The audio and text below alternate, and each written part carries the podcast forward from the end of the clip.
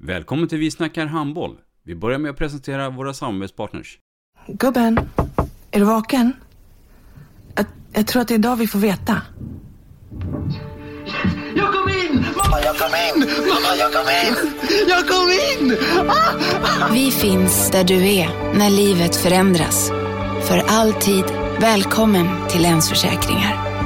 Nej men, ska du ha t-shirt på dig?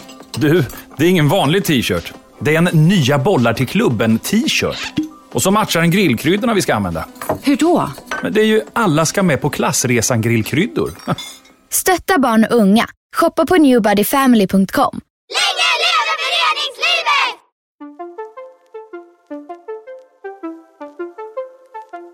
Välkommen säger vi till dig som lyssnar till den nya handbollspodden Vi snackar handboll med Robban Z och Dagge. Vi snackar handboll, där du får veta alla sanningar som du inte visste att du missat. Vi snackar handboll. Hej och välkomna till ett nytt avsnitt av eh, Vi snackar handboll. Eh, idag befinner vi oss nere på södra sidan av eh, detta vackra land, Dagge. Japp, det gör vi, närmare bestämt Lund. Eh, och vi har med oss eh, Kenneth Andersson, ingen mindre än Kenneth Andersson. Eh, och nu ska vi ta reda på hans eh, ja, ledargärning, tränargärning under en jäkla massa år på, på, på den skånska eh, kontinenten. Välkommen Kenneth. Tack så mycket. Vem är Kenneth Andersson? Eh, oj, jag har väl fyllt 44 år och eh, för det mesta hållit till här i, i Skåne. Eh, född, uppvuxen och bor fortfarande i Skurup, en by här mellan Malmö och Ystad. Så det är lite pendling in till Lund varje dag. I och för sig ingen lång pendling, men det blir lite grann. Spelat handboll i, i Skurup som eh, ungdom, junior och eh, började bli tränare där också. Eh, för ungdomslag till att börja med, men även damlaget sen innan jag försvann vidare på, på damspåret också och, och tränade IK Lågan i Hörby. Och sen efter det så blev det Kävlinge på den tiden när de var lite bättre än vad de är nu tyckte jag. Mm. Eh, och sen tillbaka till Skurup med herrarna där. I division 2 var det då de låg i, i Skurup. Och där gick det bra. Vi vann den och gick upp i ettan och gjorde det väldigt, väldigt bra i, i division 1. Och eh, då tog Kristianstad kontakt med mig. Sen hamnade i Kristianstad i, vad blev det, fem och ett halvt år. Eh, En liten avstickare till Jönköping, Hallby ett år och sen blev det väl IFK Ystad i sex år. Och nu är jag inne på, är det andra året i Lund, Mm. Lugi. Vet du vad Kenneth, att på min lista här så är det 100% rätt det du berättar. Ja, det var ju tur. Ja, men du, eh, berätta för oss, varför blev det handboll? Eh, ja, eh, det var väl lite kompisar skulle jag tro. Vi, det var ju så i Skurup på den tiden så var man ganska duktiga. Man hade ett rätt så bra, för att vara lilla Skurup då, hade man ett bra eh, A-lag i, i handboll som eh, de i gamla division 1 där och det var rätt så häftiga matcher på hemmaplan där. Det var ofta väldigt mycket folk i, i lilla, lilla Skurupshallen och bra stämning och så, så att det, det lockade. Och, eh, hade kompisar som var väldigt duktiga på det också som, eh, som man hängde på och eh, spelade handboll. Och sen var väl bättre på handboll än på fotboll, även om det var marginellt. Så, så det blev handboll. Mm.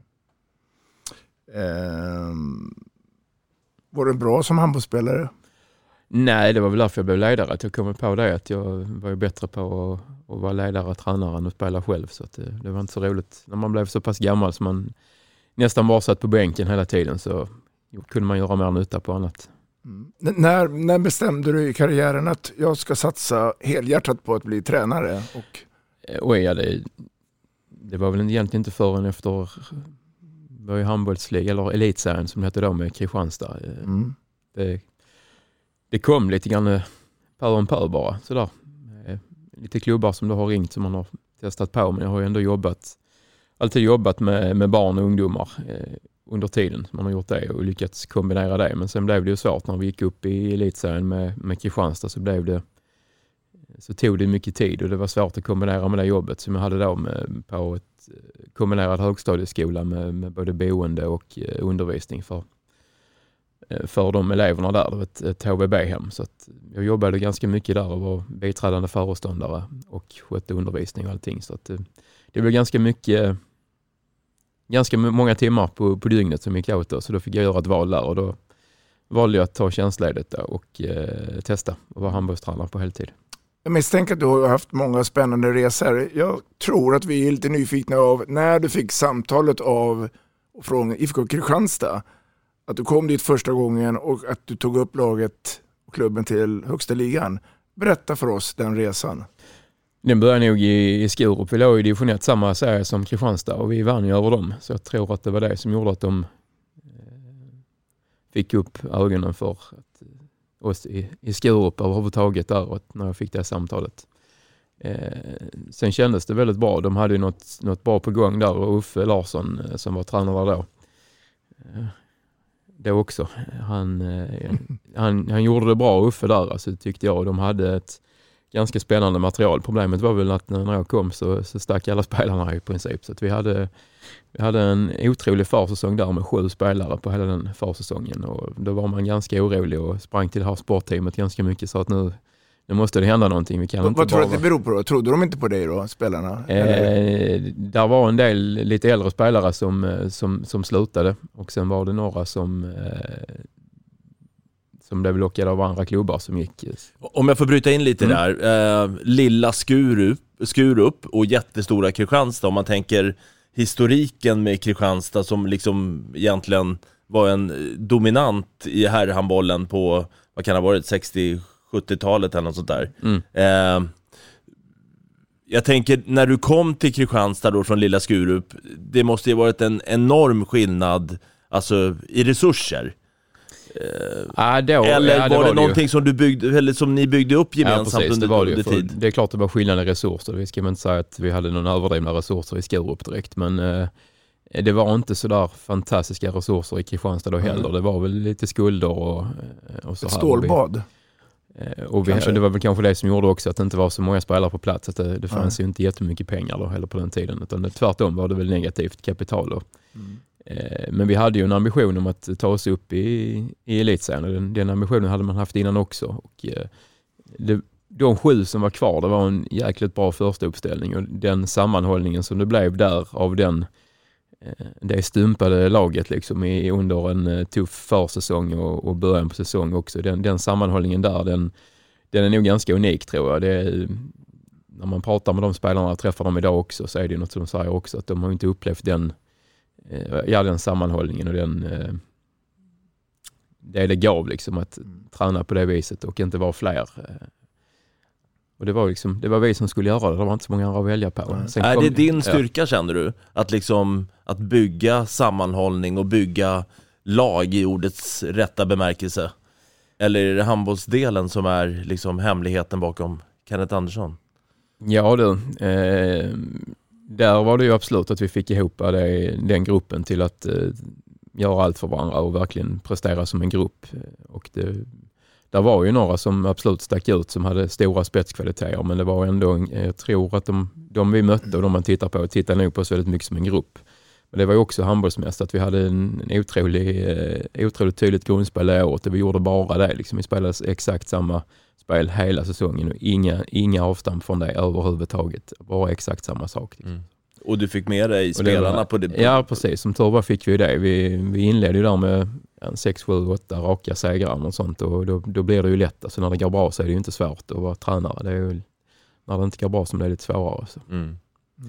Men det var den, eh, som sagt, den, den, eh, den truppen och den gruppen där, det, det var något, eh, något ganska unikt tror jag. Som, och jag tror det bottnar jättemycket i det att vi var så pass få och vi var liksom tvungna att lita på varandra och vi var tvungna till att eh, dra åt samma håll.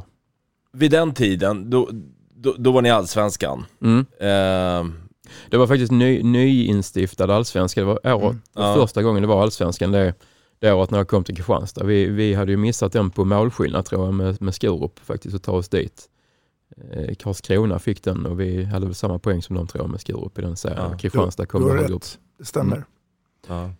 Ehm, Eh, men, men, och du, du säger att ni, ni, ni startade upp den här försäsongen med sju spelare. Mm. Men truppen måste ju ha fyllts på under resans gång. Ja det gjorde de. Det var inte jättestor det första året där, det var den inte. Men vi, vi valde också, eller jag valde, vi valde att lägga väldigt mycket resurser på att, att träna mer än vad de har gjort innan. Alltså vi införde att vi tränade varje dag eh, med betydligt mer fysträning och så också. Så det, det, det är ju liksom inga hemligheter med det. De som tränar bäst blir ofta bäst. Eh, sällan det är något annat. Om inte man har väldigt mycket pengar och kan köpa framgången så måste man ju träna sig till framgången. Det är, det är väl de enda två sätten jag har varit med om i alla fall.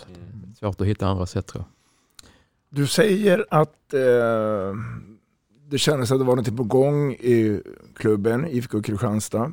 Eh, du fick vara med och ta upp dem till eh, högsta ligan. Mm.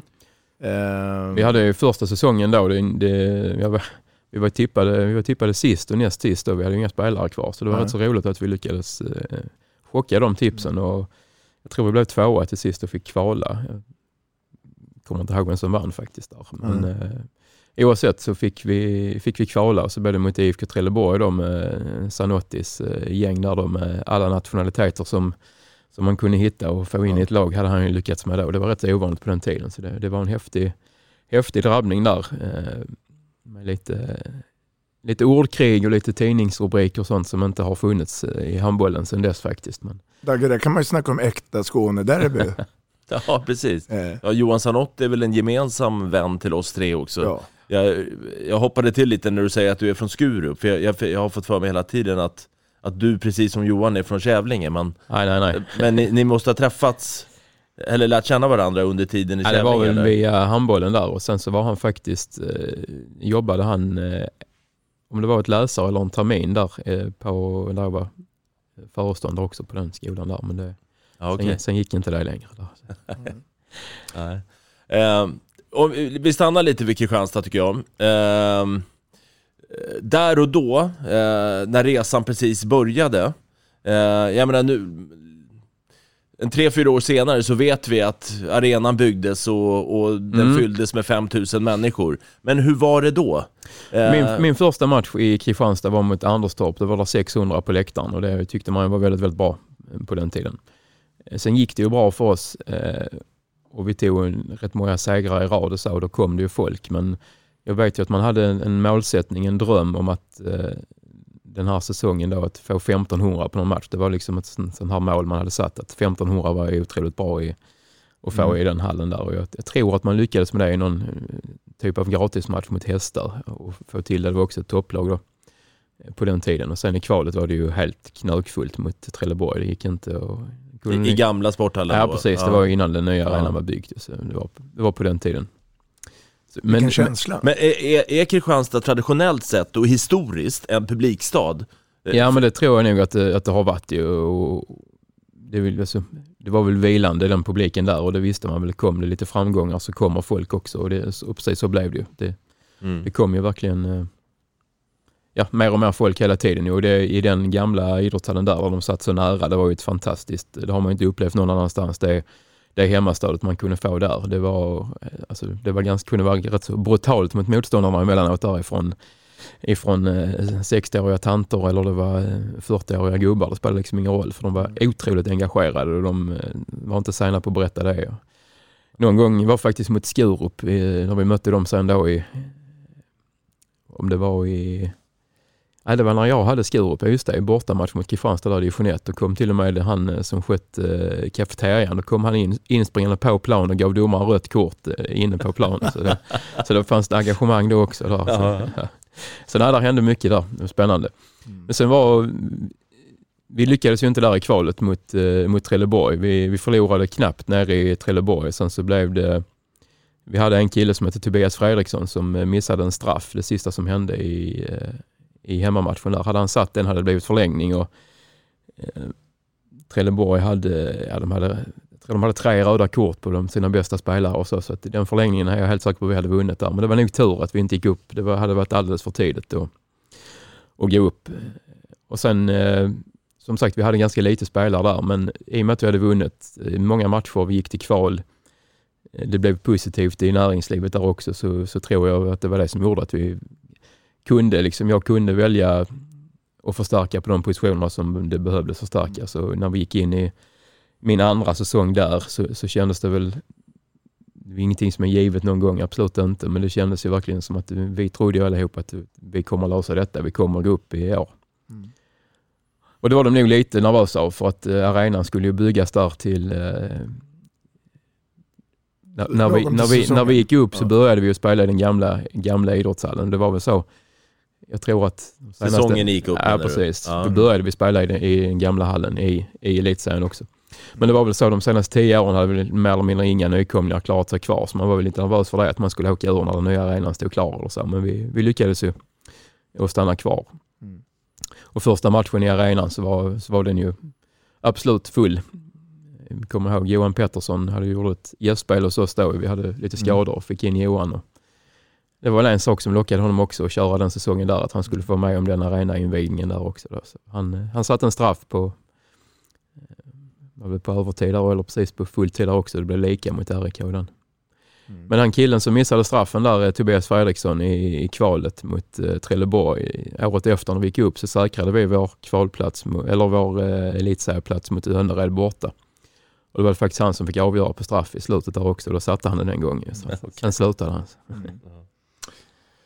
Du, eh, en lyckosam period, men det var ju sen så att ni gick ju skilda vägar. Ja. Eh, och eh, om jag inte är helt ute så tog Ola över. Mm. Och det har ju sen blivit en, en, fortsatt resa då med i Kristianstad med Champions League och det. Bara kort, vad, vad, vad tycker du och tänker om Kristianstad idag? 2021? Eh, ja, det är ganska många år sedan nu, sen jag, sen jag var 2012 som jag lämnade då. Mm. Eh, sen har jag ju följt, följt med och ganska mycket under många år också och så varit med och, och tittat. Och man har varit uppbjuden på lite viktiga matcher och tagit sig dit ibland när man kan och så också och varit och tittat på någon SM-final och så. Så det är klart att jag, det är ju, jag var där i många år och det var en, en jävligt speciell resa som man gjorde. Så det är klart att de har en, en speciell plats i, i hjärtat och att man absolut följer det också. Men sen på senare tid så, så känns det väl lite grann som att man har tappat det lite grann ändå. Jag, jag kan väl nu är man på så långt avstånd ifrån allting så man har ju liksom ingen insyn eller koll Nej. på vad som händer eller inte. Men man kan ju tycka att många saker är konstiga liksom och varför händer det och hur kan de göra så? Men precis som alla andra tycker och tänker om. om... Men där och då, eh, hade du velat vara kvar? Ja, ja men absolut. Det var ju precis ja. innan slutspelet det, det, den säsongen också. Så det är ju klart att man hade velat eh, köra färdigt den säsongen 2012 med, mm. med slutspel och så. Självklart, absolut. Är, är du bitter? Eller, eh, nej, det är jag inte. Alltså, tittar du på vad, hur det blev, det är ju ingen som kan säga att de gjorde fel. Absolut inte. Det, det, är ju ingen som, det kan inte jag heller göra. Alltså, det, det, blev ju, eh, det, när Ola kom så blev det ju ännu, en, ännu ett avstånd mot det här att träna ännu hårdare, träna ännu mer. Det var väl ett, som jag har förstått ett krav han hade också, att de skulle träna två gånger om dagen. Mitt, mm min grej när vi kunde var att vi skulle träna varje dag, en gång om mm. dagen. Och hans var det två gånger om dagen. Det var liksom en dubbling i det också. Och det, mm. eh, alltså, så, som utomstående betraktare, när man tittar tillbaka på Kristianstad under de där åren, så kände man ju att de hade en makalös organisation. Mm. Vi pratade mycket organisation med Magnus Nollangran igår mm. och Hammarby och sådär. Eh, var du med Kenneth och byggde upp den här organisationen efter att den varit vilande i Kristianstad i så många år? Ja men så, eh, absolut, och det var också en viktig grej som, som vi gjorde, som de lät mig göra, att vara med och, och tycka och tänka och få liksom sätta det ungefär hur jag, hur jag ville. Och fystränaren där, Jonas Karlström, är ju alltså en fantastisk eh, fystränare och skulle väl säga att det, det är han och, och, en till som, som finns i Helsingborg som, jag, som heter Anders Lindsjö, som jag vet som som är så duktiga på att få handbollsspelare att, att prestera. Men Jonas var inte med då. Jag körde fysen själv där i början och så fick vi in Jonas för att hjälpa till lite grann. Och eh, han var ju duktig på tyngdlyftning och var med för att lära ut tekniker och så, men han, han var ju, han är ju, jag är en handbollsnörd, han var ju en fysnörd, så han mm. var ju liksom, ville ju in och grotta ner sig i det, varför handbollsspelare skulle göra så. Och, så de samtalen där och det samarbetet vi, det började ju liksom det började med att jag bestämde vad han skulle göra men sen märkte jag rätt så snabbt då, till andra säsongen där att fan, det här det gör han mycket, mycket bättre än mig. Så det släppte jag ju fullständigt till hand. Däremot så var jag ganska noga med att jag vill vara med på alla fyspassen också. Så det är inte så att jag ska ligga hemma och vila när de tränar fys. Men, men, han ska absolut sköta planeringen. Jonas ska hålla i det. Eh, och han är ju otroligt bra på det. Så det var en viktig del att få in honom, absolut. Och sen också att när jag kom, där var inga... Vi hade ett ungdomslag, eh, P ja, 90, 91, 90, så de var 92, 93. Det var en blandning mellan 90 och ner till 93 år som, som var i ett enda pojklag. Det var det enda där fanns eh, på den tiden. Mm. Så det var också viktigt att få igång den ungdomsverksamheten och försöka bygga upp den. Och då hade Näsby, det är en stadsdel i Kristianstad, de hade ju ett jäkligt duktigt lag med 93 år. Så det var en... Anton Lindskog. Ja precis, vi fick in hela det ungdomslaget med ledare och allting i vår regi så att säga där, så att vi hade någonting att bygga på. Och Anton Lindskog var ju med, Emil Karlsson startade väl någon SM-final också på, på höger sex och Johan Nilsson som jag sen, senare hade med mig i IFK Ystad och så också som, ja det är många duktiga eh, som kom ifrån, ifrån Näsby, verkligen ifrån Mm. det. Så det var väl startskottet på det, att få igång en ungdomsverksamhet också. Och Jonas då som är fystränaren där, just att jobba med teknik med dem, det var också något som vi satte liksom den organisationen, att från en viss ålder så ska de jobba med sina pinnar, inte bara träna handboll utan de ska jobba med, med styrketräningen och börja med pinnar och sen bygger man på. Så det fanns, och finns fortfarande den strukturen tror jag, i, i Kristianstad. Oavsett om man är kille eller tjej. Ja, ja du? absolut. Ja. Men Vi det var så det att tjej, tjejerna försvann ju därifrån då. Ja. Man tog ju något beslut då på, på den tiden som man kanske inte hade gjort idag, att Mm. eh, inte jobba med tjejer. Men det har man ändrat på sen. Ja. Solid Sport är handbollens hem för streaming av matcher. Hos oss hittar du Allsvenskan, Division 1, Division 2, USM, ungdomsmatcher och mängder av handbollskupper. På solidsport.com svensk handboll hittar du det senaste samt kommande matcher från Handbollssverige. Vill du själv även komma igång och börja sända matcher för ditt lag? Gå in på solidsport.com för att läsa mer.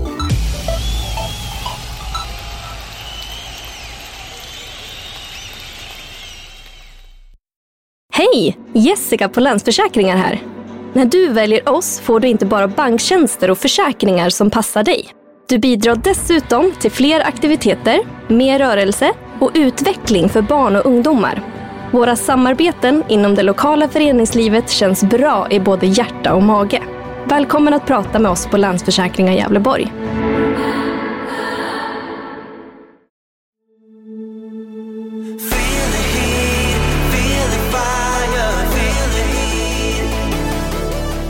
På Restaurang Hit är kärleken till vällagad och god mat vår största passion. Vi jobbar med att förädla bra råvaror till en fantastisk slutprodukt. Frukost, lunch eller catering. Hos oss äter du alltid god hemlagad mat. Välkommen hit!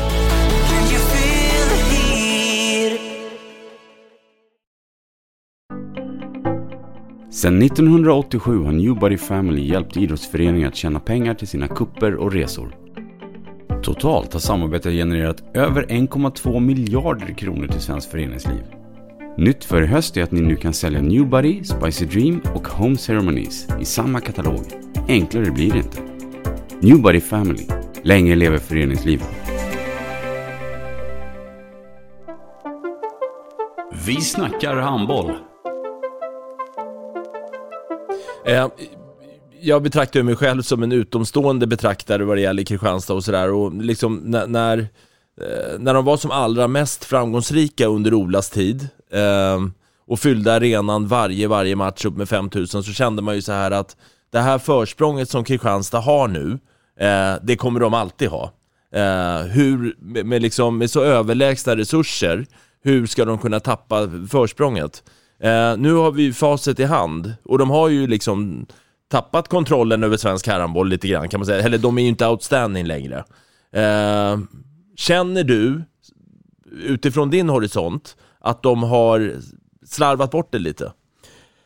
Ja, men det tycker jag nog. Det är, och som sagt, nu är man inte så insatt längre. Några år efter där man inte var kvar så hade man ändå ganska bra info och kände de flesta fortfarande så. Men nu har man ju inte det. Så nu är också en utomstående betraktare. Men, men absolut kan man känna det. Alltså, varför har man gjort vissa av de här besluten? Varför har man gjort så här? Och kan man ju absolut ställa sig frågan ju. Sen är man inte så att man ställer de frågorna. Men eh, mer än till kompisar man pratar med och så vidare. Så. Mm. Precis som ni Precis. Alldeles säkert. Nej, men det, det är väl ingen som, kan, eh, som inte undrar hur det har gått till. Alltså, Mm. eh, och där är- var ju verkligen förutsättningar och sen är det alltid så att när man bygger upp en sån och de kommer in i den dynastin de hade med, med Ola där. Det är ju klart att det kan ju inte vara för evigt men att det skulle gå så snabbt och ta bort det, det trodde jag verkligen inte. Nej. Kenneth, var sak i sin tid. Ja. Mm. Det blev efter Kristianstad, Hallby, IFK Ystad. Berätta kort om de två perioderna. Ehm, ja, Hallby blev ju bara en säsong. Det var ganska tidigt där, redan i december månad som jag gick in till Björn, som han hette då, som var sportsligt ansvarig och sa att det, det funkar inte. Jag, vi kör säsongen färdig men sen skiter vi i det. För Mm. Jag hade ju eh, hus och familj i Skurup och det var en övernattningslägenhet där i Jönköping och hade möjligtvis om eh, SJ hade skött sina tidtabeller och kört varje tåg som de skulle att det hade kunnat funka men det var en lite tuffare vinter och, än vad det brukar vara just, just det året där. Och många tåg var inställda och när man tog sig då ifrån Jönköping till Nässjö för att då åka vidare med X2000 hem, då kom det inte sista, då var det inställt på grund av snön. Eller var det taxi tillbaka igen och blev kvar, så kom man inte hem då. Och så, nej, det blev för strudet helt enkelt. Men där var också ett jäkligt bra lag i, i Hallby. Sen, sen är det ju något som jag har försökt lära mig efter det sen, att jag, jag kom dit, jag hade någon jäkla ambitioner att nu jäklar ska vi köra på. Och, och det var, vi var väldigt bra spelare men de var dåligt tränade och vi skulle träna hur mycket som helst tyckte jag vi skulle göra där också. Eh, Men det var de inte förberedda på och de gick sönder allihopa mer eller mindre där. Så att eh, vi började väl ganska bra men sen var ju alla skadade eh, mer eller mindre hela uppställningen där. Mm. Det var inte så att du gick och sa till Hallby att nu ska vi träna två pass om dagen. Nej det gjorde vi absolut Nej. inte men vi, vi försökte införa att vi skulle träna varje dag där också. Eller Ja. det gjorde vi absolut. Och så även då på helgerna. Så att vi, vi tränade mycket och de tränade bra men, men det blev lite för gick lite för snabbt. Vi skulle eh, kört den höjningen av, av eh, fysnivån lite i fler steg än vad, än vad jag gjorde där och det är väl något man får lära sig i, i efterhand verkligen. Eh, men de kom tillbaka sen också och då, då, då hade vi ett otroligt bra lag igen. Alltså Adam Lönn spelar i Tyskland nu, Mattias Kvick och eh, Filip Lång tog mig till IFK Ystad sen och de gjorde det bra där och Kvick hamnade i, i Malmö och Filip Lång har ju en framträdande roll i IFK Ystad fortfarande. Så. Det var väldigt många bra spelare i, i den, den truppen där också faktiskt. Det är inga dåliga namn som Nej. du rabblade upp. Nej, absolut. Det är så. IFK Ystad. Mm. Det blev en längre eh, och det var ju lite grann eh, när jag flyttade hem därifrån Hallby så hade jag ingen aning vad jag skulle, eller från Jönköping, så hade jag ingen aning vad jag skulle göra eller inte göra. Så jag sökte ju en jäkla massa jobb för att hitta någonting. Så hittade jag ett jobb utanför Trelleborg på någon typ av eh, någon typ av sån här HVB-hem det också Mm. som jag började jobba på där. Så. IFK Ystad hörde av sig lite, lite innan där och eh, sa att de var sugna på att eh, få in en tränare till det. Det var ett väldigt ungt lag. De, de, låg i, de hade egentligen åkt ur serien men det var, det, var Djurgården eller något som drog sig ur. Så de fick vara kvar i En serien ändå. kvar, ja. Precis, för de hade ju ekonomiska bekymmer de också. Hade Mm. tappat eh, ja, nästan allting. De hade bara ungdomsspelare kvar. Eh, och då, då det fanns ju liksom ingen möjlighet att göra det på heltid och så heller där. Så att, eh, det var ingen, ingen, ingen större tjänst. Men, eh, så jag började där. Det var ju när jag började i IFK Ystad så fick jag träna A-laget och eh, B-laget.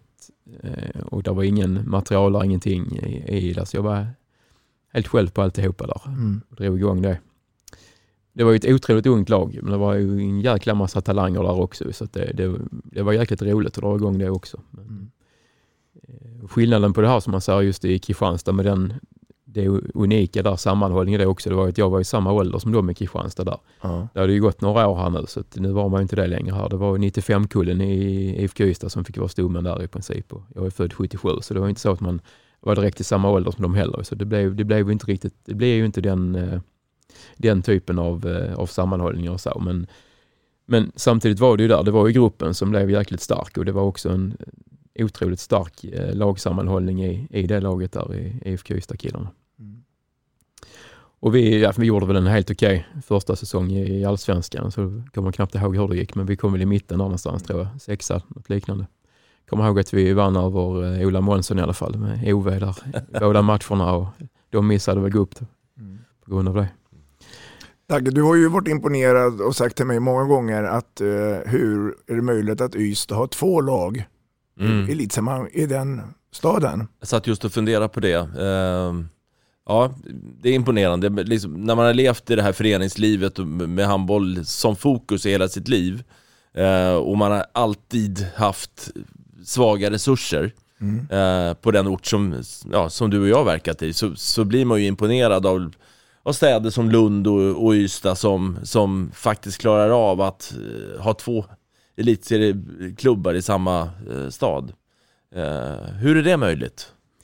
Ja, det är traditionen där att nästan alla, alla som är duktiga på, med boll, de spelar handboll. Är man duktig med boll i Göteborg eller Stockholm så spelar ju betydligt fler fotboll, skulle jag tro i alla fall, än vad de spelar handboll. Men det är ju det det handlar om. Det är ju inte det är nog inte så mycket annat än det. Alltså, när jag kom till Ystad där, alltså där fanns ju inga resurser, resurser överhuvudtaget. Det var skulder, det var inga, inga lagledare, inga material, det var Nej. ingenting. Liksom. Men när du, men det var en säger- jäkla talang liksom och jäkligt Ja, många jo. spelare. Men när du säger där fanns inga resurser, då har du en, förmodligen en annan måttstock än oss i Mälardalen. Ja, det Eh, tror jag inte. Inte IFK Ystad kan jag säga. Där, där, där fanns inga resurser där. Det, det Nej. skelettet var där inget kött på. Det var det inte. Nej, okej. Nej. Verkligen inte. I Kristianstad fanns det många som var engagerade och hjälpte till i alla fall. Och så, även om de hade tufft eh, Mm. ekonomiskt och så, så var det ändå ett, ett sportteam som jobbade. Så, men här, här fanns verkligen ingenting. Mm. Och ett lag som dessutom hade åkt, åkt ur mer eller mindre och så också och fick en friplats. då. Så, att, nej, där fanns inte någonting. Nej. Inga resurser till spelarlöner? Nej, nej, nej. Nej, nej det var det inte. Nej. Tror du att det finns utrymme för andra, eh, inom citationstecken, småklubbar att ta sig upp till handbollsligan? Eller tror du som eh, hockeyn att det är de starka rävarna, de, de vinner i långa loppet? Ja, det är en svår fråga. Rimbo gjorde det ju för något, eh, så det är också ganska många år sedan nu i och för sig. De, Mm. de gjorde det där men eh, jag, jag tror att det är möjligt att man kan ta sig upp. Alltså med, med ett par starka, riktigt starka årgångar och eh, så kan man nog ta sig upp men däremot så tror jag det är mer eller mindre omöjligt att hålla sig kvar eh, för Över de tid. lagen. Ja, det går inte längre. Det, det gör det inte. Det är arenakrav och det är en annan ekonomi och det är, alla tränar ju bra nu för tiden också. Det är ju inte så som på den tiden då att man kom på att man kunde träna dubbelt så mycket som de andra så gick det ju det. Ska du träna dubbelt så mycket som de andra nu så får du ju träna tre gånger om dagen nästan. Det går ju inte. Vi, vi hade ju Magnus Nolan Gran tidigare i, här på Vi snackar handboll och då pratade han mycket om att det är oerhört viktigt med en organisation. Mm. Och då är det inte bara ett par stycken utan det är en, det är en arméstyrka. Jag tänker på sådana klubbar som Amo, eh, Skånela, eh, Karlskrona. Eh, så någonstans fallerar ju den sista pusselbiten för att de ska bli stabila. Fast jag, jag undrar, alltså nu har jag inte lyssnat på hela resonemanget där med nollan, men det med organisation, alltså det jag tycker de... Är det bullshit? Det är det kanske inte, men, men oerhört viktigt vet jag inte. Alltså det fanns ingen organisation i IFK Ystad, det fanns inte mycket i Kristianstad när vi Nej. lyckades ändå ta oss upp och de lagen är kvar fortfarande i, i den, den eh, eliten där också. Så ja, jag, jag vet faktiskt inte riktigt det. Det, det är ju skadar ju naturligtvis inte, men tittar Du är lite mer inne på att man kan liksom ha den här lite isolerade bubblan, Ja, bygga jag laget. tror faktiskt det. Och tittar du på Ja. Karlskrona idag, som man, än en gång, man har ingen insyn där, men om du tittar utifrån så vad fan, det finns ju inget lag som har en bättre organisation än dem, inte i handbollsligan heller, men de har inte gått upp. De gör det inte speciellt bra. Vad är det som händer där? Det kan man ju ställa sig lika många frågor som om med Kristianstad. Liksom. Hur kan inte Karlskrona gå upp i handbollsligan? Mm. Och där om någonstans är det väl en organisation. Mm. Det är rätt. Och en helt ny fin hall också. Ja, ja, det, det, ja. Innan vi eh, fortsätter i Ystad-äventyret här. Eh, jag är lite nyfiken på den här, eh, apropå det här att två elitklubbar från samma lilla ort. Rivaliteten mellan eh, YF och IFK. Ja, den var ju större förr. Man har ju hört om när de som är betydligt äldre än vad jag är berättar hur det var där man inte kunde gå på samma sida av gatan som, samma trottoar som, som en röd när det kom en vit och så vidare. Men jag gick ju själv i gymnasiet på, i, i Ystad och då var det också en jäkla rivalitet. Eh, Men där någonstans började det ändå luckras upp lite. Eh, Då kom handbollsgymnasiet, det kom, alltså att man började liksom spela lite tillsammans också i de här eh, och vissa av de killarna har ju hoppat lite med det också men eh, idag det är väl klart att det är rivalitet och det betyder mycket att vinna ett derby, absolut. Det är ju en otroligt skön känsla att veta att man har, har slatt liksom, att man är bäst i stan just då i alla fall till nästa derby. Men annars, ja, jag vet inte, jag tycker de, det är väldigt många som byter nu. Det känns inte som att det är någon sån superrivalitet längre. Är du Ystad IF storebror? Ja men det är de ju, absolut. På alla plan? Eh, ja, det får man nog ändå säga att de är. Det är sen, sen tycker jag ändå vi IFK Ystad har ju närmat sig, alltså det har de absolut, men eh, jag vet inte riktigt var det tar vägen heller om jag ska vara ärlig där. Det, jag, jag tycker att man gick, gick liksom, vad ska man säga, trappsteg för trapp, trappsteg för trappsteg åt rätt håll, men jag vet inte. Om man har halkat ner lite nu kanske känns det som inför, denna, inför de sista säsongerna här, jag vet inte. Det blir spännande att se, men det, det ser, ser tufft ut för dem nu tycker jag. Mm. Ja, det blir intressant. Vi har ju Oskar Karlén lite längre fram i vår programserie. Vi går vidare med eh, Kenneth Andersson och på det senaste visitkortet eh, som vi ser framför oss så står det sportchef Lugi HF. Det är nu din uppdragsgivare. Och då tänkte jag testa dig. Lugi är en förkortning till vad då?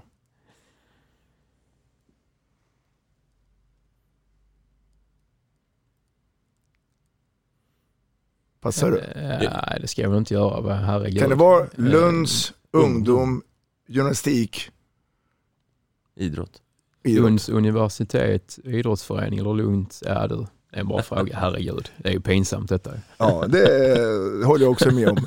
Men det är bra, vi ska ta reda på det. Ja, det får vi göra. Eh, vad står Lugi för? Och ni som eventuellt vet det får ju jättegärna då skicka ett mail till eh, Kenneth så tror jag att han kommer jag bjuda på en fika sen. Ja, det måste vara Utan Lunds att alls veta. universitets och idrottsförening. Måste det Jag tror Lund, Lunds ungdom, gymnastik och idrott. Mm. Men det är en gissning. Ja. Jag vet vad också. H43 står för. Så.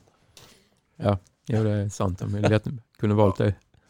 Du eh, Kenneth, eh, sportchef, fin titel. Vad innebär det att vara en sportchef? Ja, det är, Eh, är väl inte finare än vad man gör det till. Det är, vad ska man säga, enkelt uttryckt så är jag ansvarig för eh, båda elitlagen, både herr och dam. Att vi har, eh, vad ska man säga, trupper att ställa på planen och eh, kontraktskrivningar, förlängningar, eh, förhandlingar. I samråd då med respektive tränare? Ja absolut. Ja. absolut. Ja, på damsidan är det lätt men, eh, Ja. men även på här sidan absolut. Ja. Nej, men det, Jag sticker in med en sidofråga där. Ja. Liksom, du jobbar heltid.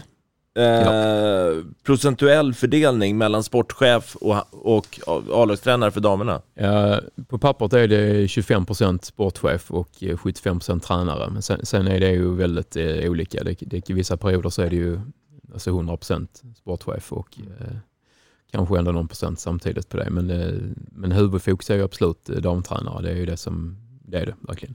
Men 25 procent sportchef, det säger sig själv att det, det, det finns ingen som hade kunnat göra klara av att hålla det på 25 procent. Gnälls det på, här, på här sidan i Lugi?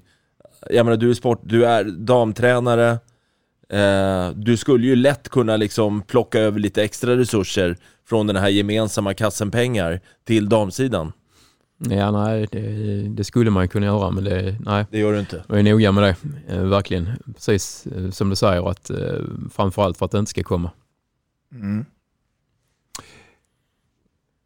Om eh, vi tittar lite grann nu då i eh, historien och nutid så är Lugi en mycket anrik förening. Eh, arrangerar ju också då Lundaspelen. Eh, har ju massa då ungdomsspelare både på pojk och flicksidan. och sen är det seniorbiten. Vad är den totala målsättningen med klubben? Det är ju att bedriva både eh, elit och bredd. Mm. Det är det. Där är inget är viktigare. Är det en svår kombination? Ja men det är det. Det är, det är en jättesvår kombination och där, där, har, där kan man ju ha väldigt olika alltså, ingångar med det. Eh, Men det som gör Lugi, tycker jag är lite grann unikt i det, att du har inte den här tydliga elit exakt från en viss ålder eller elit eller exakt, utan man, man kör båda spåren hela vägen. Och även om du är 35 år gammal så finns det fortfarande ett breddspår om inte du platsar i elitlaget längre eller du inte har tagit plats där eller, eller så. Så elit och bredd är lika viktigt i, i Lugi. Mm. Eh, när, jag vet att jag och Dagge blev ju oerhört förvånade och eh, stod som en frågetecken när man gick ut och talade om att man lägger ner farmarlaget Farmen på damsidan. Kändes det som ett stort misslyckande?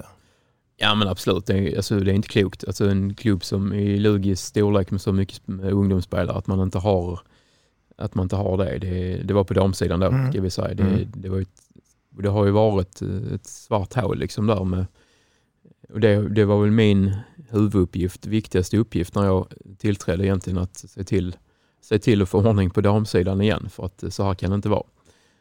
Så det har vi lagt väldigt mycket tid och, eh, och kraft på och eh, det är jäkligt bra just nu ska jag säga på mm. den sidan. Vi har, nu fick de inte spela matcher i fjol i Farmen men vi var tvungna att börja om i division 3 tyvärr. Men, mm. eh, det vi valde att göra, vi hade det här äldsta flicklaget som fanns kvar, det var ju 03 eh, då i mm. Lugi. Och lägga mycket kraft och tid på dem. Eh, och sen har det, ja, sen har det bara rullat på. Så nu har vi ett, eh, ett farmarlag anmält igen och de en full trupp på 20 spelare där. Vi har också två juniorlag under anmälda och två JSM-lag anmälda det nu när 04 har kommit upp. Och dels har det kommit några utifrån men det är också att vi har fått dem att fortsätta och fått dem liksom att, och även att kunna ta steget upp till, eh, till elitlaget. Mm. Sen, där var ju jättemånga 03 som spelade i, i SOE i fjol, vilket inte alls var meningen. Och det är ju inget vi ska slå oss för bröstet och säga att vi har släppt fram si eller så många 03 eh, för det var i ren panik vi fick göra det för att vi, vi saknade ju lag mer eller mindre i vissa perioder i fjol på grund av andra omständigheter och det, då blev det så att vi var tvungna att släppa upp eh, ännu fler 03 och inte bara träna med oss utan även att in på plan i, och slänga ut dem på så djupt vatten att de kanske inte riktigt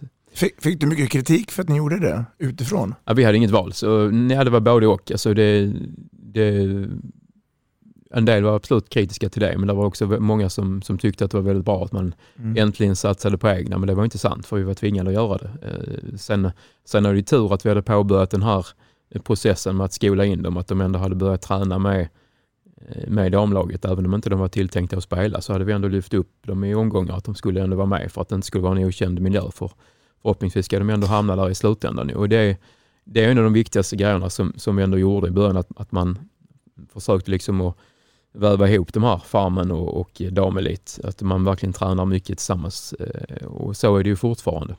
Mm. Jag ska säga nu i efterhand, eh, det var ju inte bra. De här tjejerna, det var tufft för dem att göra det, men de gjorde det. Dels blev det mycket, mycket mer träning än vad de var vana vid. Det blev mycket, mycket tuffare matchning än vad de var vana vid. Men nu när man tittar på dem så har de ju kommit in. De har ett mycket högre tempo, en helt annan liksom, tolerans för träning och så också. Så att de har ju fått en jäkla utveckling eh, för tidig boost av det egentligen. Så på kort sikt blev det ju katastrof, både resultatmässigt och eh, det var inte jättebra för, för någon att det blev så. Men på lång sikt så kommer vi ha en jättenytta av att säsongen blev som den blev i fjol. Det, för det blev ju verkligen och ett otroligt tydligt eh, liksom, omstart också. Det var meningen att vi skulle ha en omstart men det var absolut inte meningen att man skulle stå utanför ett slutspel eller att man skulle omstarta på det viset. Liksom du, du kan ju omstarta men du behöver inte gå en sån omväg som vi nu för att Nej. omstarta. Om vi tittar tillbaks på Lugi dam, alltså även åren med, alla åren med Dragan och så vidare. Eh, och Robban och jag har pratat mycket om det, så tycks Lugi, för mig, på damsidan är ju den här talangfabriken Lund och har det inte funnits talanger i Lund med omnejd som har värvat systrarna Larsson från, från Lindesberg och liksom fantastiska talanger. Men man har alltid tyckts vara lite för unga för att ta det sista klivet. Håller du med mig? Sedan 1987 har Newbody Family hjälpt idrottsföreningar att tjäna pengar till sina kupper och resor. Totalt har samarbetet genererat över 1,2 miljarder kronor till svenskt föreningsliv. Nytt för i höst är att ni nu kan sälja Newbody, Spicy Dream och Home Ceremonies i samma katalog. Enklare blir det inte. Newbody Family Länge lever föreningslivet. Solid Sport är handbollens hem för streaming av matcher. Hos oss hittar du Allsvenskan, Division 1, Division 2, USM, ungdomsmatcher och mängder av handbollskupper. På solidsport.com svensk handboll hittar du det senaste samt kommande matcher från Handbollssverige. Vill du själv även komma igång och börja sända matcher för ditt lag? Gå in på solidsport.com för att läsa mer.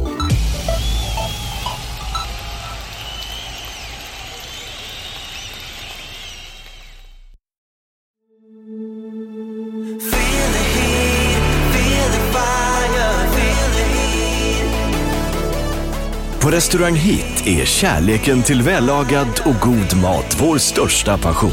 Vi jobbar med att förädla bra råvaror till en fantastisk slutprodukt. Frukost, lunch eller catering. Hos oss äter du alltid god hemlagad mat. Välkommen hit! Hej! Jessica på Länsförsäkringar här. När du väljer oss får du inte bara banktjänster och försäkringar som passar dig. Du bidrar dessutom till fler aktiviteter, mer rörelse och utveckling för barn och ungdomar. Våra samarbeten inom det lokala föreningslivet känns bra i både hjärta och mage. Välkommen att prata med oss på Länsförsäkringar Gävleborg.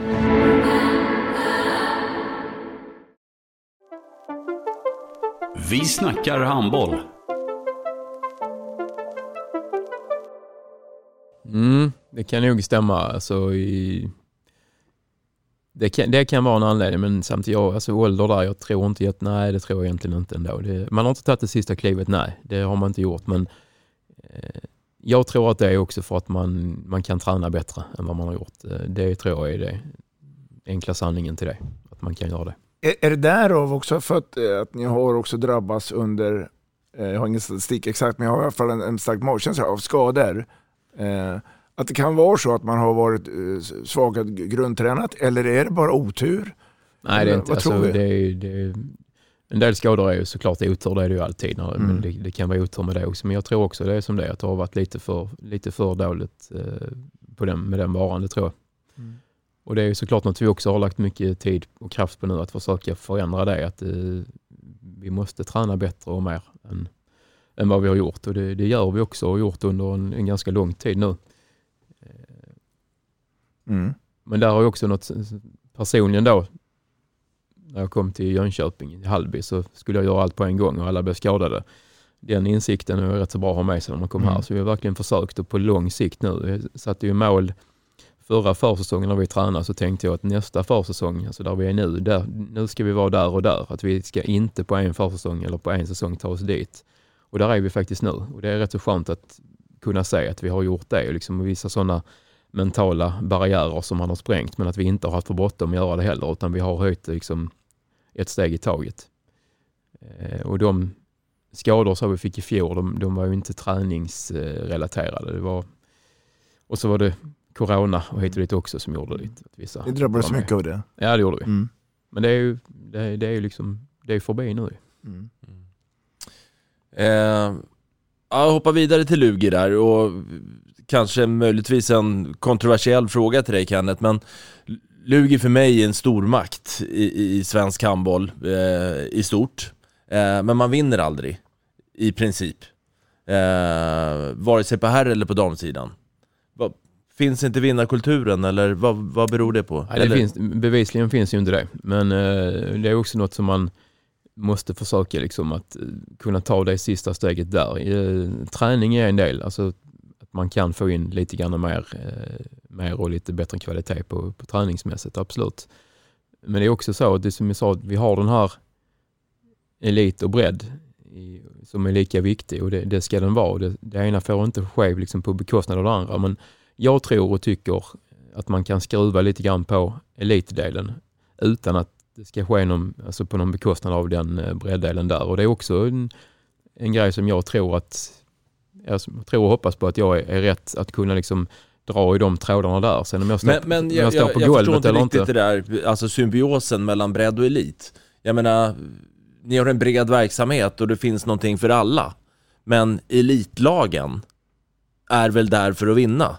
Absolut, Ja, och ingenting och, annat. Och är, man, och är man 35 år och liksom har passerat Zenit i sin- Ja, karriär, nej, då får man inte längre Nej. spela i A-laget om, du är- man inte tillräckligt bra. Men om, om du är 15 till exempel så kan man nog skruva lite grann mer eh, på dem. Alltså det finns ju en del eh, exceptionella talanger som vi hade Tyrax ner nu till exempel här som, som inte riktigt har gått det traditionella lugispåret utan som liksom, hon är bra nog att göra detta, ja, då ska hon göra det istället för att eh, alldeles för länge bara få, få den sociala delen. För det, det finns ett otroligt bra, sunt eh, socialt tänk i, den här, i breddspåret och i, i Lugi. Men, och det, det, det är det jag menar, man måste kunna behålla det. Det ska inte ske på bekostnad av det, men du ska ändå kunna skruva på det och Mm. identifiera de här så att säga, spelarna som har kommit lite grann längre, som, som har lite bättre förutsättningar och ge dem ännu bättre förutsättningar för att ju fler egna spelare man kan få upp i elitlaget här som verkligen blir ja, stjärnor eller som verkligen kan lyckas. Alltså det, det slår ju tillbaka på en ekonomi också. Mm. Då, kan du lägga, då kan du lägga pengarna på en ännu bättre spelare utifrån istället för att köpa halvdana spelare utifrån och så vidare. Mm. Så det är liksom krasst, krasst tänk liksom för, att, för att lyckas. Och för att ta det hela vägen så måste du också få in en, en ekonomi. Alltså, Mm. du, det du spetsar med utifrån måste vara kanske ännu lite bättre än vad man har haft möjlighet att göra på ett tag här. Mm. Men lite det jag var inne på, liksom Dragan värvade ju ändå de bästa som fanns liksom i, i, i på, damhandbollssidan från det här U-landslaget 92-93 där. Men de hann ju aldrig bli så pass gamla för att liksom hinna blom, blomma ut. Eh, eller om det berodde på andra orsaker, det vet ju inte jag, men uh, utifrån, eh, utifrån uh, uh, utomstående sådär, så, så känns det ju så lite. Eh, jag tänker på en annan sak, apropå det här med att eh, inte lyckas vinna liksom. Har Lund som stad, det är nog stark universitetsprägel. Eh, på vilket sätt påverkar det idrotten och handbollen i synnerhet? Det är ju en annan, eh, det är en annan mentalitet liksom i, i, eh, om man jämför med IFK Ystad till exempel och eh, Lugi, handbolls, eh, i handbollsklubbarna och eh, ja, styrelserummen, liksom, eh, allting är en annan, det är, det är ganska så, vad ska man säga, motsatta, motsatt förhållande där. Och jag tror det även är i- det finns ju betydligt fler eh, högutbildade föräldrar och hela den biten här såklart eftersom det är i den staden det är. Och eh, på gott och ont. Ibland, eh, ibland behöver det inte vara någon raketforskning heller hur man ska vinna. Utan det kanske handlar om att kämpa lite hårdare bara eller liksom ta i lite mer ibland och ibland är man kanske bättre på det på, på en annan nivå då. Men, eh, jag tror som sagt absolut att det går, går liksom att- att. Förena. Ja det tror jag absolut att det gör. Eh, Det tror jag. Mm. Men jag tror, jag, som sagt man måste, alltså vi har ju nu, tillbaka till det här omtaget då på, på damsidan där vi hade noll, noll farmenspelare och inget juniorlag alls. Nu har vi i farmen och i den truppen så är det ju ett antal, både, vi har både U och J-landslagsspelare som är redan nu. Alltså, det gick väldigt snabbt. Alltså, de, de är där på den nivån nu också och som sagt de, de kan inte hållas tillbaka. Alltså, de ska upp och de ska minsann liksom utsättas för eh, tuffast möjliga utbildning, eh, konkurrens samtidigt som de absolut ska ha sina sociala aktiviteter Alltså, och få det också. Det, det, än en gång, det ena utesluter inte det andra. Så Det är den här balansen. Ja men det är ju det. Men det är ju ofta ju så i, på vissa ställen där man väljer ut dem. Man läser om de här skräckexemplen i hockey och så där de har selekterat väldigt tidigt och bara väljer bort det. Så det är klart de mår inte bra av det. det, det, det jag tror inte någon större framtid för dem heller. Men du behöver, inte, du behöver inte göra det. Men däremot kan du ändå erbjuda dem ännu lite till. Att verkligen få dem att ta det sista steget upp. För Lugi har ju otroligt många eh, talanger och eh, otroligt många duktiga ungdomsspelare. Men det är inte jättemånga som har lyckats i, elit, i Mm. elitlagen. Mm. Och där, där finns det någonting där ju som, som, eh, som vi måste identifiera och som vi liksom måste bli bättre på för att få fram dem. Mm. Vi har ju precis avslutat säsongen 2020-2021 eh, och vi går in snart i 21-22. Eh, Om du gör en kort sammanfattning av det sportsliga på herr och damsidan med Lugi och vad har vi att se fram emot inför kommande säsong? Mm. Vi hade, ju, vi hade ganska sent eh, vad ska man säga, avhopp av eh, herrtränaren ju, eh, Axner, där han blev förbundskapten. Mm. Avhopp avhopp, men det är väl inget konstigt att man kanske väljer den. eh, Till föreningens glädje. För... Ja, ja, självklart. Ja. Absolut. Och till allas glädje eh, så var det ju så. Men eh, det var ju ändå ett, eh, ett jobb som skulle göras liksom där, att vi skulle rekrytera en ersättare för Thomas. Och då var det ju viktigt att vi vet att vi har ett, ett ungt lag med väldigt många eh, stora talanger och kanske inte så många eh, äldre spetsspelare som fanns kvar heller. Så att det var en ganska speciell typ av tränare som, som skulle rekryteras. Och det är klart att det, det fanns ju namn som, som har lyckats med, med, med, med bra material och så som var intresserade av att komma hit. Men nu, valde, nu blev det Mark Udd som då blev, eh, blev valet och i efterhand så, så är det helt rätt. Han är helt rätt tränare på den platsen han är nu, definitivt. Han, de har haft en grym utveckling, alla våra unga killar. Eh, det är inte så svårt kanske ibland att här, utveckla de sju som, som är startspelare som är rätt så tydliga. Men han har ju även lyckats att utveckla de som har varit inhoppare, alltså andra tredje gubben på de som har kommit in. Även de har ju utvecklats jättemycket och som det tror jag kommer fortsätta med den. Alltså de som nu är kvar, de unga killarna som gjorde det jäkligt bra i fjol, de kommer ta ännu ett steg. De här, alltså Kasper och Isak och company. Eh, men även andra gubbarna kommer att ta ännu ett steg till och det tror jag kommer göra att vi, vi, vi kan absolut återupprepa det som, som hände. Det var ingen som kunde räkna med en semifinal i fjol, absolut inte. Det det är ett överbetyg till dem och de gjorde det jättebra. Men jag är inte främmande för att det händer igen, även om man tittar på pappret och läser lite namn som har försvunnit och att man då är ännu yngre. Och så. Så vi tror på de spelarna vi har tagit in som ersättare och vi vet också att vi inte har köpt in någonting som ska in och leverera liksom, mer, än, mer än det vi förväntar oss. Men, men tillsammans så tror jag ändå de komponenterna gör att vi absolut eh, kan se fram emot ett Lugi som, som kan göra det lika bra som i fjol på här sidan. Mm. Damerna, Ja, det är, måste ju bli bättre än vad det blev i fjol. Det finns liksom ingenting annat. Kan du förklara för mig hur, man en- ena omgången förlorar mot Boden hemma, andra omgången så vinner man hemma mot Sävehof? Nej. Nej, det kan jag inte. Jag ska inte sitta här med massa ursäkter hit och dit sånt heller. Utan det är som vi sa, det, är en, det är en katastrofsäsong vi har bakom oss på alla plan. Förutom, förutom de som eh, var med från början till slut. För de har gått framåt jättemycket, eh, framförallt fysiskt. Men de har också haft en fin utveckling som, som handbollsspelare och det är klart att de är kvar och de ska vi bygga vidare på naturligtvis.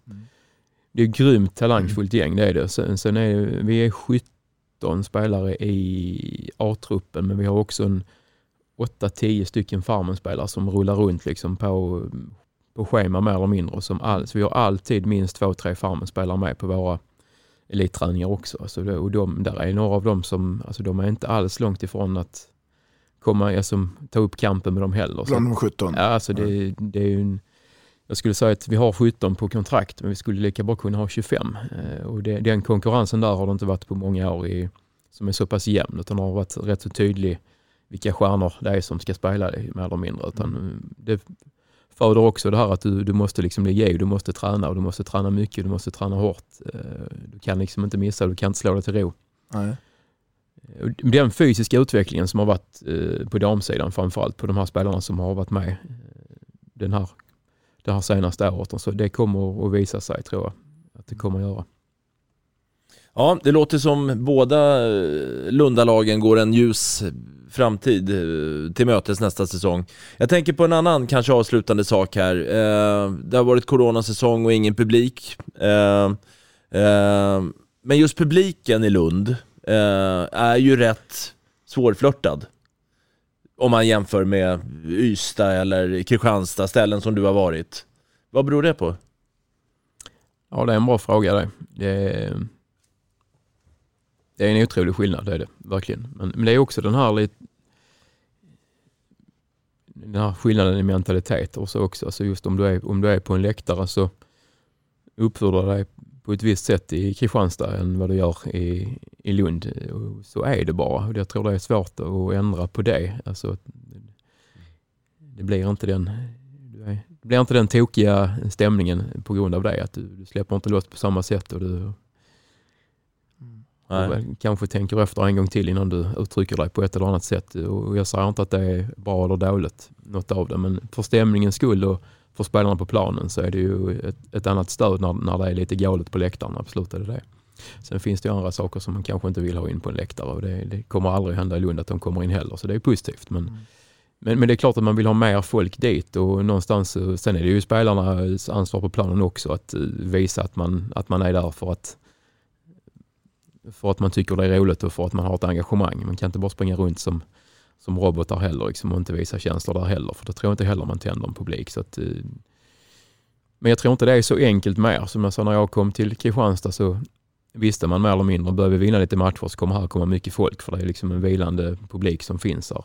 Jag tror inte det är så lätt i Lund. Börjar du vinna matcher, ja, jag tror inte det kommer jättemånga fler för dig. utan det är, det är något annat som måste till. Och det, vad det är, det... Jobbas det på det?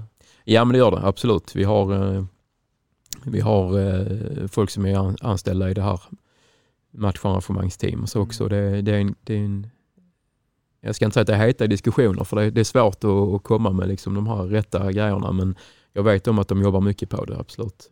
Mm. Och de har inte fått chansen heller för de har inte varit där med den coronasäsongen och då var det ingen publik. Eller, det var väl 50 någon gång men det, det är svårt att göra arrangemang av det. Så att, nej, alltså vi tror och hoppas mycket på att de, utan att lägga all press på dem, att de ska fixa till detta. Så det, är svårt i Lund. Det krävs speciella matcher, det gör det. Jag har varit där själv och tittat på eh, Kristianstad när de spelade semifinal, då, då var det tryck och då var det mer eller mindre fullt och då var det ju gött. När vi var nya med Kristianstad och kom upp så var det nog lite, eh, men det, det är så många ifrån Kristianstad som åker hit också och tittar så det, det är ju halva hallen. Det, mm. Det ska inte Lundaborna ha kredit för de gångerna faktiskt. det, nej, de måste bli bättre på att komma hit. Samtidigt måste vi vara bättre på att göra ett bättre arrangemang och vi måste också ta vårt ansvar på planen att verkligen visa att, eh, att vi är engagerade, att vi bryr oss. Mm. Corona, ett satans spöke. Mm. Eh, 2019 inställt Lundaspelen. 2020 inställt Lundaspelen. Eh, världens största inomhusturnering. Hur mår Lugi ekonomiskt idag? Det har ju varit eh, såklart tuffa tider, eh, har det varit det, men det har ju varit mycket, eh, som på alla andra ställen, säkert permitteringar på, på anställda och eh, en massa andra saker som vi har fått skruva på. Men det är ju ingen, ingen panik liksom nu heller. Det är det inte heller. Så för ett år sedan när man satt och försökte titta i spåkulan så fanns det olika scenarier och då fanns det ju absolut scenarier som var betydligt värre än, än, än det det faktiskt har kommit. Sen är det ju alltid så att man skulle vilja ha lite mer pengar, man skulle vilja göra det, man skulle göra detta. Men som, man måste också förstå hur det är med, med coronan. Det, det har drabbat många eh, värre än vad det har drabbat oss. Sen är, är det tufft i Lugi, absolut är det det. Men de har gjort ett jäkla bra jobb i de som sitter över mig i de positionerna som har bättre koll på det. De har gjort ett fantastiskt bra jobb med det. Så att vi, en del klubbar har ju behövt att avskeda lite folk och så också. Vi har ju lyckats behålla den bemanning vi har i alla mm. fall. Mm. Vilket är väl det viktigaste egentligen. Absolut. Eh, alltså saknaden att spela kupper den, den, den finns ju och det, och det behöver inte vara någon Einstein och eh, förhoppningsvis blir Lundaspelen till, till eh, vintern. Det hoppas vi verkligen ja. ja. Vi får väl se då i september sen vad exempelvis Stefan Löfven kommer säga. Mm. Ja, Kenneth Andersson, eh, dagens gäst på Vi snackar handboll. Eh, Ska vi titta då, sista frågan här då. Vad tror vi resultatmässigt om eh, Lugis herrar och damer? Oj, ja det är svårt att säga. Alltså det är, man vill ju alltid att det ska bli lite grann bättre än vad det var i fjol i alla fall. Ju. Så det är väl liksom den tråkiga svaret som det får bli på herrarna. Att eh, seriemässigt så kan man göra det lite grann bättre. Så det är, kan man ta en placering är det jättebra gjort. Men man visar ju också där eh, att det kanske inte är det allra viktigaste heller om man blir exakt vad man blir i serien. Det är i slutspel det gäller. Liksom. Det är, man slår ut ÖIF som eh, oavsett vad vissa tycker om varför och så, så slår man ut ÖIF som kom flera hack högre. Men, mm. Så det är inte det viktigaste heller, exakt hur det går i, tabellen. Eh, sen lärde vi oss rätt så bittert där med damerna att det är ganska viktigt ändå i tabellen där att i alla fall komma bland de åtta första för annars tar säsongen slut väldigt tidigt. Mm.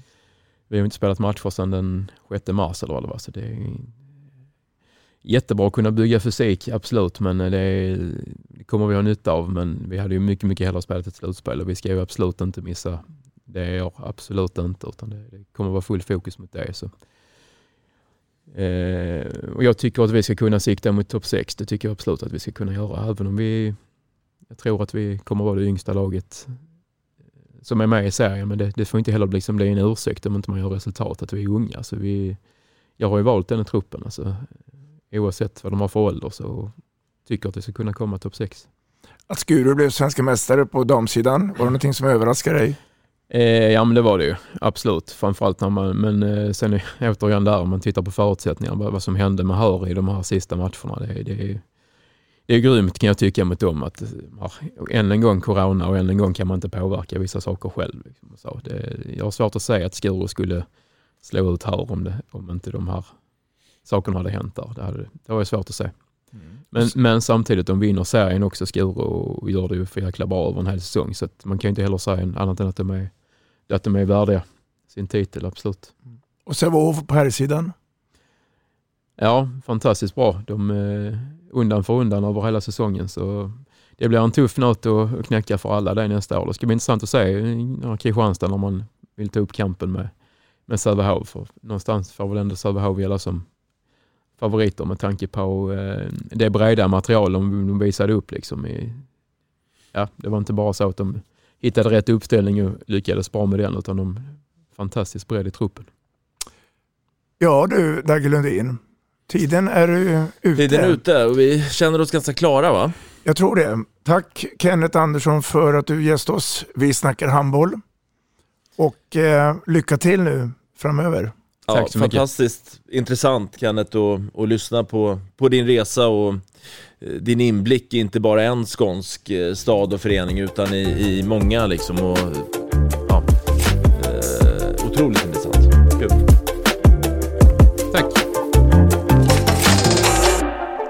Vi snackar handboll, där du får veta alla sanningar som du inte visste att du missat. Vi snackar handboll. Vi snackar handboll produceras av produktionsbolaget High On Experience, från vision till passion. Ett avslutande tack till våra samarbetspartners. Hallå! Kommer ni eller? Ja, ja. Har du sett mina ankelsockar? De här? Nej, nej, jag menar skridskoslip till juniorlaget Ankelsockarna. Ja, men kolla bredvid träningsläger med handbollstjejerna-t-shirtarna. Stötta barn och unga. Shoppa på newbodyfamily.com. Länge leve föreningslivet! Gubben, är du vaken? Jag, jag tror att det är idag vi får veta. Mamma, jag kom in! Mamma, jag kom in! Jag kom in! Ah! Vi finns där du är när livet förändras. För alltid välkommen till Länsförsäkringar.